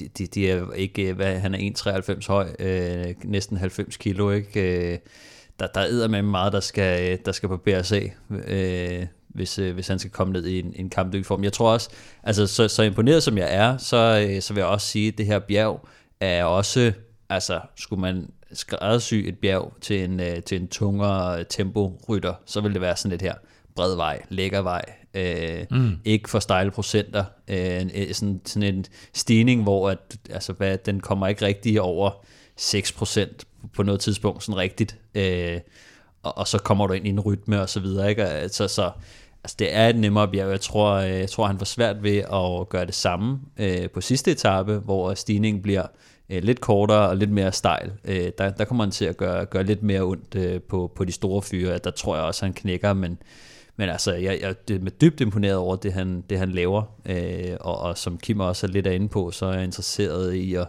se, hvad det egentlig, han gerne vil. Nu, nu leverer han ikke samme fart på, på enkeltstarten, leverer en god øh, bjergetap. Øh, er han i gang med noget øh, ombygning her? Øh, jeg hørte et interview med ham for, øh, for ah, det er måske en måned siden eller sådan noget. Øh, der snakkede han selv om, at han, han, han var lidt for, øh, lidt for tung og skulle barbere noget af, men det var mere sådan i forhold til off-season, altså sådan, du ved, at han skal, nu skal han være kampklar, ikke? Øh, så, så, så, men altså, sjovt, sjovt at se hans program i år, det, det er lidt noget andet, det er noget med nogle klassikere, og, og, så, øh, mm. og så noget Tour de France. Øhm, så, så det kan være, han, øh, ja, det kan være, han, han, han, har, han har lavet lidt om på, på, på den måde, han skal køre cykle på, og ikke så meget øh, enkeltstartsfokus. Jeg tror stadigvæk, at han har en gul trøje i København øh, i den, men øh, enkeltstarten her, øh, der bliver han faktisk øh, øh, over, ikke overkørt, men hvad hedder sådan noget? Øh, overfuset. Over, ja, også, det. overfaldet. Også, også det, overfaldet, overfuset. Han vandt i hvert fald ikke, fordi øh, der var en anden med øh, speciale i fart og aerodynamik, der kørte stærkere. Ja, Stefan Bissiger, som jo også havde lidt problemer i starten med, at han kørte nogle, nogle rigtig gode enkeltstarter og fik ikke rigtig sejrene, som han måske egentlig fortjente, var lidt uheldig med nogle, nogle sekunder hist og pist, øh, men nu har han efterhånden slået sit navn fast, og, og Bissiger er jo faktisk også en rigtig god øh, altså landevejsrytter, eller linjeløbsrytter, skal man ikke tage fejl af. Øh, og så havde vi jo øh, to danskere i top 10, øh, Mikkel Bjerg og øh, Price Pejdersen. Pejdersen, det første, første World Tour enkeltstart, han skulle ligesom ud og, og måle sig med de store, og, øh, og jeg mener, at nogle af dem, der ligger foran ham, dem, har han vel, dem, dem kørte han vel fra, da han var da han var til nogle mesterskaber, men han skal nok lige, lige vende sig til, til det nye miljø her, og, og, og lad os se om Men trods alt, altså, det er en fornem øh, start for, ja, ja, for Johan Price Pejdersen der med, ja, ja, med, en, med en tiende plads, ikke? Absolut, men jeg tror, vi forventer vel også, at han, øh, han skal helt op og, og kæmpe om nogle, i hvert fald podiepladser, og måske endda også sejre på sigt, ikke? Med, med de ungdomsresultater, han har lavet. Ja, men det tror jeg, og, men der er også stor forskel på, jeg tror, øh, tilvændingsfasen, hvor ja. en specialist som ham, øh, skal ind og levere et resultat øh, på en enkelt start mid-race, altså i et etabeløb, det er, det er noget andet, end øh, fordi at nogle gange, det er ikke for at sige, det er snyd eller noget, men nogle af de her rytter, der ikke øh, er på World Touren med mm. det samme stress, de har altså lidt øh, bedre til at forberede sig og time deres, øh, deres form og, og friskhed i forhold til det her mesterskab eller, mm. eller, eller, øh, eller cykelløb. Øh, så, så, så, så nogle gange lidt bedre betingelser, arbejdsbetingelser for, for, for sådan en som dem, når de kommer på, på fra Conti-niveau, eller, eller, mm. eller nogle gange også øh, pro-Conti, ikke? hvis det er Uno X, så får de ret meget frihed, men men sjovt at se, om nu øh, skal han lige vende sig til det. Det så vi også med Mikkel Bjerg, øh, mm. at, at han skulle også lige vende sig mm. til, til det der niveau. Ikke? Så, så det bliver spændende at se hans udvikling. Ingen tvivl om, at han, han skal bare lige ind i, i rytmen, så tror jeg også, at han, han kommer til at op sit niveau endnu mere. Og så så jeg faktisk, at Beregn Victorious har ansat Martin Toft som sådan en øh, specialist til enkeltstarterne til at skulle hjælpe på en eller anden måde, mm. så det er også godt for, for Johan Price Pejdersen øh, og, og have Martin Toft der i, øh, i baghånden til at hjælpe sig lidt. Øh, så må vi sige, at øh, selvom Quickstep har meldt ud, at det bliver Fabio Jacobsen, der kommer med til turen, så bliver Mark Cavendish ved med at vise stor form. Ja, han vinder jo, øh, han vinder jo simpelthen anden etape i det her virkelig hårde sprinterfelt. Han bliver 16, tror jeg det på første, hvor Philipsen vinder foran Bennett, Viviani og Kronevæggen og, og Demar Ackermann også kommer i top 10. Vi talte om det i optakten, at, at det her det blev sådan nærmest den der store sprinterfest. Mm. Øh, og, og der kunne man jo godt forestille sig, at han ville, han ville få lidt svært ved at gøre sig gældende, men, øh, men nej. Så, øh, så nu skal Quickstep vel til at vælge, hvem de, hvem de vil have med til. Altså, øh, man kan sige, at Fabio Jacobsen har, har, har, har øh, fået det, i, når de har været på træningslejr her, så har du det her med, at du planlægger sæsonen, og han får at vide, at du skal køre det. Og, men altså, det var heller ikke meningen, at Cavendish skulle køre turen sidste år. Nej, altså jeg tror også, øh, jeg tror faktisk, at at Fabio Jacobsen også efter sit comeback nu, altså vi, man næsten tro øh, ville være urørlig, altså øh, på, mm. på, på, på den måde. Øh, altså Sam Bennett var i en helt anden situation. Ikke? Jo, jo, jo, der var noget lønforhandlinger og overvejet at skifte hold. Øhm, der, der tror jeg, at øh, Fabio Jacobsen har en noget mere stabil øh, placering på holdet, som det er lige nu. Og så som Fabio Jacobsen også siger, øh, så sin, altså løbsbog, uh, Cavendish han skrev først under i december, mm. øh, og der er planerne jo lagt. Mm. Øh, så, så, så han har jo egentlig fået, øh, fået turen som udgangspunkt, ikke? og Cavendish råd på på Giroen, så... Øh. Og for Lefebvre, så er det jo, Fabio Jacobsen er jo hans mand for fremtiden. Det er ham, han har noget ud af mm. at, at nøse og føre frem nu. På den anden side, så ligger der også den her rekord jo, ikke? Altså prestigen i, hvis Cavendish så tager, 34, den, tager 34 den alene, ikke? lige nu mellem Cavendish Det smitter jo trods alt også af på holdet, ikke? kan man så, sige. Men det er øh, måske mere, Lefebvre kunne godt tænke sig at sige, han er jo en relativt kynisk øh, person, så han sige. kunne jo godt tænke sig at sige, Nå, altså, Cavendish rekord, den kommer Cavendish til gode. Ja. Jeg skal bygge mit hold op her ja. om Fabio Jacobsen. Så, så umiddelbart burde han vælge ham. Ja, det er rigtigt. Men øh, så kan der bare ske alting her i foråret, yeah. som øh, vi glæder os til at se. Hvad. Ja, der skal ikke snige sig en, en lille knæskade ind hos Fabio Jakobsen, så ved vi godt, hvad der sker i hvert fald. Eller lidt psykisk ustabilitet. ja. jeg ved ikke, om du øh, nåede at sige det, Kim, men han styrtede faktisk i dag. Mark Cavendish på, øh, på, på fjerde etape, øh, var nede og ligge efter 130 km, kom op, gennemført løbet, øh, så nu må vi lige se, hvordan han har det. Der resterer to etaper, eller resterer tre, men der resterer to sprinteretaper, og så er der den der etape til Jabal Hafid på, øh, på lørdag, øh, som afgør det hele. UAE Tour, det føres lige nu af Tadej Pogacar. Han er to sekunder foran Ghana Wow, kan man kun sige. Og så henholdsvis øh, 13 og 15 sekunder foran Alexander Vlasov og Adam Yates. Michael Valgren Andersen, the 26-year-old from Denmark, representing the Astana Pro team that is going to last through for his most famous victory, second in the Amstel Gold in 2016. But now he gets the ultimate prize. He gets a Belgian classic. He gets his arm in the air, and he has taken victory in Het Nussblad. Will Seth Van Mark survive?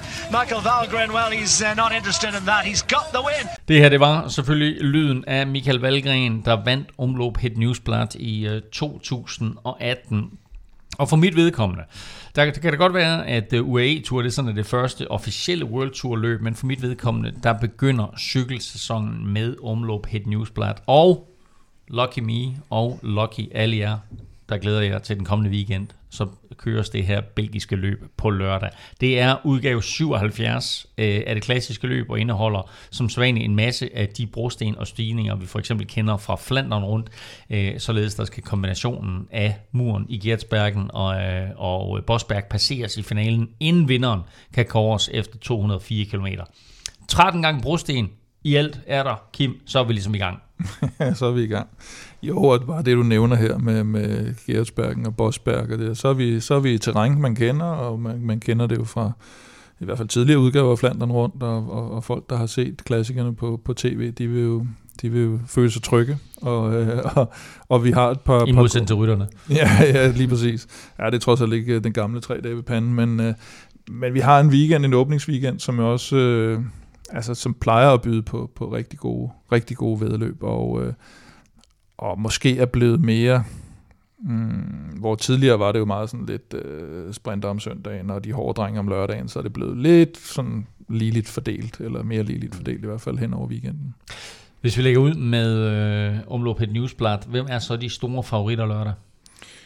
Ja, man, man kommer jo nok ikke udenom øh, Quickstep øh, Alpha Vinyl, som de jo hedder i år, øh, og har... Øh, umiddelbart øh, Lampard, Seneschal, Stibar, øh, vil man sige, måske er de, er de, er de største navne. Askren er jo øh, måske stadigvæk lidt hæmmet af efterværende af noget sygdom, så, øh, så må det ikke det er de tre, der, der i første række kan, kan præstere noget. Så har vi øh, Fanart, hvis I kan huske ham, som jo øh, nærmest ikke kan undgå at lave topresultat. Det, der er interessant med Jumbo Visma, synes jeg mere, det er, at de har fået, hvad hedder de... Øh, hvad hedder de, Tis Benot og, øh, og Christophe Laporte, sådan to lidt forskellige ryttere, men, men to virkelig klasserytter, som måske i virkeligheden ikke har fået sådan helt det ud af deres øh, talent og deres karriere, som, som, som de burde have i forhold til... Er Laporte med her også? Ja, den stod i hvert fald på, på listen til at starte med, men jeg, det, det, er jo, det er jo ikke de officielle starter. Jeg tror nærmest mm. kun, det er Quickstep, der har udtaget ja, holdet rigtigt. indtil videre. Så der, der, der kommer nogen øh, ud og ind. For eksempel Tim Vellens, er kommet ind på lottoholdet. Han skulle mm. ikke have været med, men mm. som vi også har talt om nogle gange nu efterhånden, at, at sæsonstarter, det er lige noget for ham. Regnvejr sæsonstarter. så, kan man, så kan man regne med, med Tim Vellens. De har også noget, noget Philip Gilbert, men uh, det er jo spørgsmålet, hvor, om han er ved at være for gammel. Og når vi taler om at være for gammel, så kører Asje Dør, de kører altså stadigvæk med, med Greg van Aumart og Oliver Narsen duen der, og jeg har altså svært ved efterhånden at se dem nærmest vinde et cykelløb det, det, det er vildt nok. Det de, de to største egoister, der skal ja, lave det, en duo. Det, det, er altså. også, det bliver også noget mærkeligt noget. Øh, så kan man sige, at, de unge rytter har de måske en Stand de Wolf, øh, som bliver fire i Paris Tour sidste år og vinder og U23 Paris-Roubaix tidligere. Måske er det han sådan en, der skal, der skal til at tage over for dem, men, men ikke sådan det, det, det voldsomme klassikerhold, synes jeg. Øh, Trek, de har jo ikke nogen Mads B., når vi snakker om. Han har meldt afbud. Øh, ærgerligt øh, vinder kørende sidste Hvordan år. Ja, Hvad meldt med det? afbud og meldt afbud. Ja. Så, Eller springer over, Ja. øh, hedder det vel nærmere, ikke? Ja, ja, jeg synes, det, det, det undrede mig meget, at, at han ikke gjorde det, men altså, øh, det er jo, altså, det har noget at gøre med, at øh, hans fokus jo ligger på Flandern og, og Roubaix, og mm. siden at Roubaix er, er skubbet en uge i forhold til, hvornår det normalt var, så, mm. øh, så har han altså øh, hellere vil, vil spare lidt på kræfterne, på, kan man sige, eller spare lidt mm. på løbskilometerne, øh, og i stedet for, så har han jo taget på træningslejr, øh, som, øh, så, så han er i Spanien og, og, og, og træner sig op til, til sæsonen, ikke? Så, så man kan sige, øh, jeg synes det er sjovt, fordi at han, øh, han virkelig satser meget på det, og er villig til at ofre, mm. kan man sige, sine to rigtig gode chancer for ham også i, øh, i kørende og, og omløb, ikke? Altså selvfølgelig er der, er der nogle bakker, men nu har vi set, hvor skarp han egentlig har været her fra sæsonstart, også på de her uphill finishes, Ja, ja. så man kan se, man kunne sige, okay, altså øh, Gertsbergen og, og, og Bosberg øh, burde ikke være noget problem i forhold til mm. øh, den form, han har vist her, men, øh, men åbenbart vil han hellere øh, fokusere max ind, så jeg, der er også, jeg tror også, der har noget at gøre med åbningsweekend øh, styrt. Øh, det er sket for ham før. Øh, altså Han sådan, også, har også vundet før. Ja, ja, ja. Ja, men, men altså, jeg mener bare sådan, ja. altså, man ved også, hvor, øh, hvor vilde folk kan være på en åbningsweekend. Der er nervøsitet, øh, tror, vildskab, kan vinde, ja. øh, brosten og alle de her ting, ikke? Så, mm. så altså, det, øh, jeg synes, det, det er sejt, at han gør det, men jeg ærger mig selvfølgelig over, at, øh, at han ikke øh, er med, fordi at, ja. De må klare sig med Jasper Støjven og Edward Tøns hos, hos Trek. Og så har de jo øh, Markus Holgaard, øh, nordmanden, med. Øh, nok ikke, fordi han, han ligefrem får kaptajnrollen, men, øh, men et, et spændende navn i hvert fald, et spændende skifte til, til Trek der. Så vores gode ven, øh, Alexei Lutenko, den angrebsivrige, som vi talte om tidligere. Og, og en, anden, øh, en anden god ven af programmet, øh, Gianni Moscon, ja, han får øh, debut for Astana. Det bliver også lidt det er interessant. sgu øh, spændende. Ja, og han slu- kørte jo en, en, en god sæson sidste år faktisk, og, øh, og, og Nibali skulle faktisk have været med her, men, øh, men har, fik også corona og, og, og pillet holdet. Og nu vi snakker sidste sæson, så Sonny Colbrelli, må man jo nok sige, fik lidt af et, øh, et gennembrud sidste år, eller sit endelige gennembrud, øh, og, og Mohoric har de med for beregn. Stefan har tidligere talt om ham her, Owen Dole, som øh, skiftede fra Ineos til EF, og måske kan få lidt, øh, lidt mere selvstændighed, eller hvad skal man sige, få lov at køre, køre sin egen chance. En virkelig, virkelig spændende rytter. Og så har vi jo snakket om øh, Magnus Sheffield øh, tidligere i programmet, øh, og, og Tom Pit- Pitcock, der kommer til at, at føre Ineos sådan lidt, lidt unge øh, klassikerhold. Og så er der altså Sepp van Marke, ham her, øh, der i 2012 vinder. Der, jeg ved, der må det næsten have heddet Het Folk dengang. Det skiftede navn fra Het Folk Ja. ja. til, til Omløb Het Ja. Newsblad, og nu er der mange, der bare kalder det Omløb. I, fordi man ikke kan få lov at kalde det Het Folk mere. Het Folk er en avis. Het Newsblad er en avis. Det er avisen, de overtog, øh, de købte... Præcis, det, er, det, er, ja. det er avisen, der ligesom er sponsor på det. Yes. Øh, Og der er de der, hvad skal jeg sige, de gamle drenge, ligesom dig, Kim, de kalder det fortsat for Het Folk. Ja, jeg, jeg, det er lige før, jeg holdt op med det nu faktisk. Men faktisk var Omløb, lad os så kalde det det, et af de få brostensløb, som Tom Bonen aldrig vandt. Og Sepp van Marke, han, han overspurgte ham altså her i, i 2012.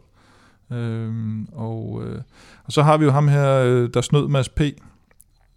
Omary Capion, tror jeg han hed, fra Ja. Arkea, Mm. der overspurgte Mads P. i Marseille der i, i modvindspurten. Nå, Øh, lige her for nylig. Ja. Altså i, ja, i sæsonen. Starten af sæsonen. Ja, præcis. og, øh, og gjorde, at Mads P. ikke stod på to sejre indtil nu. Og så faktisk til sidst, et, øh, lige før man, øh, ja, i hvert fald hvis det havde været for nogle år siden, så havde det været det absolut stærkeste hold i feltet, med, med, med Peter Sagan, Edvald To, Boasson total Energies. ja, Daniel Oss, Niki Terpstra og Tuchy, Anthony Tuchy, den nye, som, som jo så nok nu er nærmest deres, deres, øh, deres bedste bud, øh, har jo kørt helt vanvittigt Ja, godt jeg tror også, i, i er klassikeren. øh, deres bedste bud, som, som det ser ud lige nu. Han er jo sprudlet Hele foråret, og, ja. og været her, der, alle vejen. Øh, uden, eller bare ikke på, på målstregen, kan man Nej, han har det jo med at, at, at, at være relativt gavmild med sine kræfter også. Ja. Hvis han lærer lige at, at, at, at bruge dem rigtigt, så, så bliver han giftig. Ja, det var i hvert fald en, øh, et navn, vi nævnte rigtig, rigtig mange gange sidste Ja. år. Ikke altid som vinder af løbene, men det var ligesom om, at øh, Top 10 er relativt han, sikker han for fik ham. ja. sit, uh, sit store gennembrud. Uh, lad os se, om, om han kan vinde en af de her to løb i weekenden.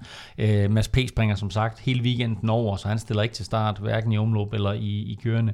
Uh, men hvilke andre danskere skal vi holde øje med her på lørdag, øh, Stefan?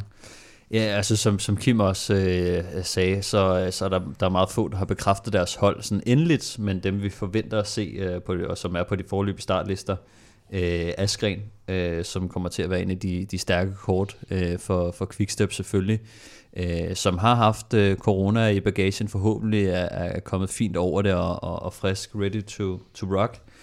Øhm, så er der, så, så er der, så er der Valgren, som, øh, som selvfølgelig også, han har også været syg øh, og, og måtte udgå af Haute Øh, øhm, der jeg er lidt mere usikker i forhold til, hvor han er henne, øh, fordi at jeg tror, det var mere for at være sådan forsigtig, at de tog ham ud. De kunne, han, kunne sikkert, han kunne måske godt have fortsat, så det, det tyder ikke på, at det har været sådan, sådan en alvorlig sygdom, men, men altså, jeg ved også godt, hvordan, øh, hvordan sådan noget kan ramme en cykelrytter, øh, både fysisk og mentalt. Altså øh, når man, har, når man ved, hvor meget det kræver. Altså man skal mm. bruge, man skal altså være på toppen, hvis man skal være med i, i, i et stort løb som, som omløb. Når man så ved, at der, helt, der, der nok er rådet 3% af toppen, så, så sidder det altså også meget i hovedet, når det begynder at gøre rigtig ondt. Så er det svært at tro på det, når man ved, at sygdommen har været i, i bagagen. Ikke? Så, øhm, så, så den er lidt mere øh, spændt på at se. Jeg håber selvfølgelig det bedste, fordi Valgren han er på det her hold, hvor han faktisk godt kan få en, en chance. Øh, lidt ligesom han er måske i samme position som som Askren er på, på Quickstep. Ikke? Altså de kører den her strategi, hvor, at, hvor det er okay at tage nogle chancer, og, og de vil gerne ud og køre, køre aggressivt. Ham og Jens Køkkelade og øh, Owen Due, som, øh, som, øh, som Kim også nævnte, og, og Tom Scully, som også er et, øh, et, et rimelig spændende navn. Øhm, så skal vi også til, til Uno Exio, som har øh, Morten Hulgaard på, øh, på programmet også, og, og jeg synes, han er, han er en spændende rytter, fordi han har også den her motor, øh, en, en rytter, som, som har været rigtig god til at køre, køre enkeltstart, men også til at, øh, at køre de her, her klassikere, øh, har man også, øh, også kunne se øh, fra ham. Hvad fanden var det sidste år? Han, øh, han, han blev nummer tre i Sparkassen Münsterland, mm. øh, hvor øh, jeg tror, det var Cavendish, der, der vandt løbet, øh, hvor de kom til mål i en lille gruppe, men, men var et rigtig hårdt øh, endagsløb, hvor han faktisk imponerede sidst på sæsonen, og, og blev spændende at se, om han faktisk kan, kan komme ind og, og levere noget af det samme niveau øh, i år. Øhm, og hvad med Søren Krav? Søren Krav øh, var umiddelbart ikke på startlisten til at starte med, mm. men er kommet på øh, siden da, altså de forløbige startlister. Så, øh, så, så noget kunne tyde på, at øh, altså, ja, det ville undre mig, hvis han ikke skulle køre det, øh, også med sin, ja. med sin tredjeplads øh, her. Øh, de, meld, de meldte ud, at øh, Degenkolb og Nils Ekhoff faktisk øh, skulle være kaptajner. Men, øh, men som du siger... Det lyder øh, meget mærkeligt i mine ører. En men... fri rolle, så øh, er jo ja. nok... Øh, som minimum. Men altså, det, altså, hvis ikke han er i form, så er det klart, så bruger han det jo selvfølgelig som opvarmning. Ja, men altså, altså den, det, som Søren Krav har fået, altså han har egentlig fået frie tøjler, synes jeg ofte, mm-hmm. øh, for DSM-holdet. Øh, har det været sådan lidt ham og Tisbeno øh, før i tiden, ikke? Øh, men jeg synes, han har, han har ofte fået en, en fri rolle og forfølge, hvad, hvad han nu kunne, men øh, som vi også har set tidligere, altså hvis benene ikke er der, så, har, så er han faktisk også villig til at, til at hjælpe, mm. øh, når det har været Tisbeno for eksempel. Ja, ham skal han ikke hjælpe mere. Nej. Det er lørdag, at der er omløb på et newsblad, og dagen efter, der køres et andet klassisk løb, men i modsætning til omløb, så har kørende Bruxelles kørende ikke status af World Tour løb. Hvordan kan det være? Jamen, altså, kyrene har jo altid lidt været lillebroren i, i den åbningsweekend. Øh, både prestigemæssigt og, og netop, som vi også lige var inde på tidligere, at, at det i hvert fald for nogle år siden havde det også mere den her lidt sprinter.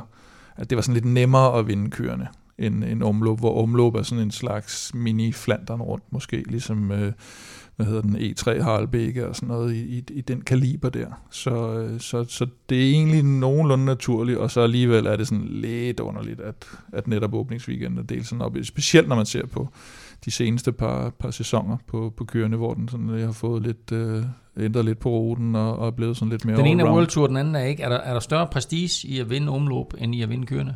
Ja, Ja, det er det. Det er det korte svar. Men det har egentlig ikke, det, det, det har ikke alt, det har ikke, egentlig ikke noget med World Tour at gøre, for du kan sagtens tage, altså Paris Tour for eksempel, som heller ikke er World Tour, er der også langt mere prestige i at vinde en øh, UAE Tour for eksempel. Men jeg vil også sige, at der er nogle gange, så er der, øh, der, altså der er prestigen, som, som kommer på, på, på ranglisterne og i medierne, og, og i forhold til, mm. når du skal forhandle løn og sådan noget, men der er, altså, jeg tror, den interne respekt øh, rytterne imellem, øh, der tror jeg faktisk, det er sådan cirka det samme, ikke? fordi at det, er, det, det er samme konkurrence, altså det samme, det, det, det er mm. to rigtig stærke felter, øh, det ene løb bare lidt, øh, lidt, lidt anderledes skruet sammen, lidt mere legendarisk, kan man sige. Mm.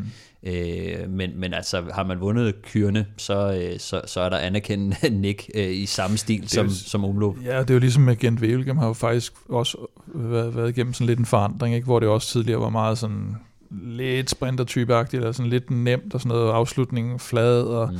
og lå lidt mellem øh, Flandern og Paris-Roubaix, og sådan, så var det sådan meget, meget lille proagtigt, og så lige pludselig så lavede de jo det her med grusveje og Første Verdenskrig, og, og Geraint Thomas, der var ved at flyve, i, eller der fløj i grøften, og så fik det lige pludselig sådan lidt mere karakter, ikke? og Paris Tour har gjort det samme med deres grusveje. Det fik så ikke sådan en Jo, god start. Gent ikke men- øh, mellem øh, Flandern og Roubaix i gamle dage, så lå Jo. det om onsdagen eller sådan noget, ikke? Øh, det var Hvilket jo gjorde så, at lidt- nogen hoppede over det, fordi at du kunne ikke både, eller nogen mente jo, du kunne Ja, ikke både ja. høre køre Flandern og Gent, og så... Øh, Nej, netop. Og, og så sådan Ja. tilskuermæssigt og sådan noget, er en, en onsdag ikke det samme som en søndag og sådan nej, noget. nej.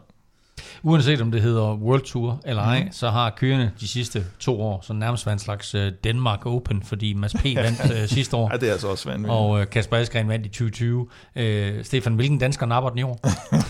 Øh, jamen, jeg vil da håbe, Valgren, han, øh, han gør det. Øh, jeg under ham i hvert fald øh, noget, og han, han kommer også med. Nu kommer Askren ikke med øh, i år. Øh, men, men nogle andre danskere, hvis vi lige skal nævne dem, øh, Kasper P. fra, øh, fra DSM, Kasper Pedersen, og umiddelbart ser det ud til, eller det er faktisk bekræftet, at øh, Tobias Lund Andresen øh, også skal køre med, og, mm. og et af de her øh, talenter, som, øh, som jeg tror, vi kommer til at se mere til, er ikke blevet, vi var kort ind på ham sidste år også, øh, men, øh, men, men ham, øh, ham forventer man faktisk ret meget af. Øh, han, han er også en af de rytter, der har, der har vundet mange crossløb og, og baneløb øh, herhjemme i Danmark. Øh, sådan meget øh, ja, talentfuld øh, gut, øh, som vi også, jeg ved ikke, vi kan huske som bedst fra der, da han lagde sig ned på målstregen, da han havde vundet, mm. øh, hvad fanden var det, det var?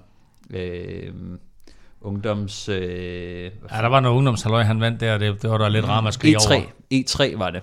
Øh, junior, junior E3. Øh, der kom han solo til mål og lagde sig ned på målstregen, og alle store profer kritiserede ham jo for den. Øh, men altså, om ikke andet, øh, et stort talent, som jeg tror, vi kommer til at se mere til. Men hvis man ikke, øh, det kan være, at man kan huske ham fra den episode, som øh, som han jo selvfølgelig, så vidt jeg har hørt i hvert fald, øh, har han jo også, øh, altså kan man sige, fortrudt det, men, men det var jo bare sådan en Hallo, dum, han var- han øh, var dum han var knægt, man, ikke? Altså, sådan ja, præcis. Så laver man sådan noget. Præcis. Ikke? Altså, nå, i hvert fald øh, et, et rigtig spændende navn på den danske scene. Uh, Tobias Lund, der, som, vi skal, som vi skal holde øje med helt sikkert. Uh, Uno X er også med, og umiddelbart på startlisten, så har de Lasse Normand og Morten Hulgaard. Mm. Uh, uh, interessant at se, hvad, hvad, mm. hvad, hvad de kan, og hvad deres rolle bliver. Uh, hvis vi lige ser bort fra danskerne, Kim, hvem er så de store favoritter? Ja, men man, mange af de, store favoritter er selvfølgelig de samme favoritter, der var i, i omløb, dem der kører, der kører begge løb, øh, afhængig af hvordan løbet udvikler sig, og hvis det netop bliver en, en lidt mere holdbar rytter, der, der vinder.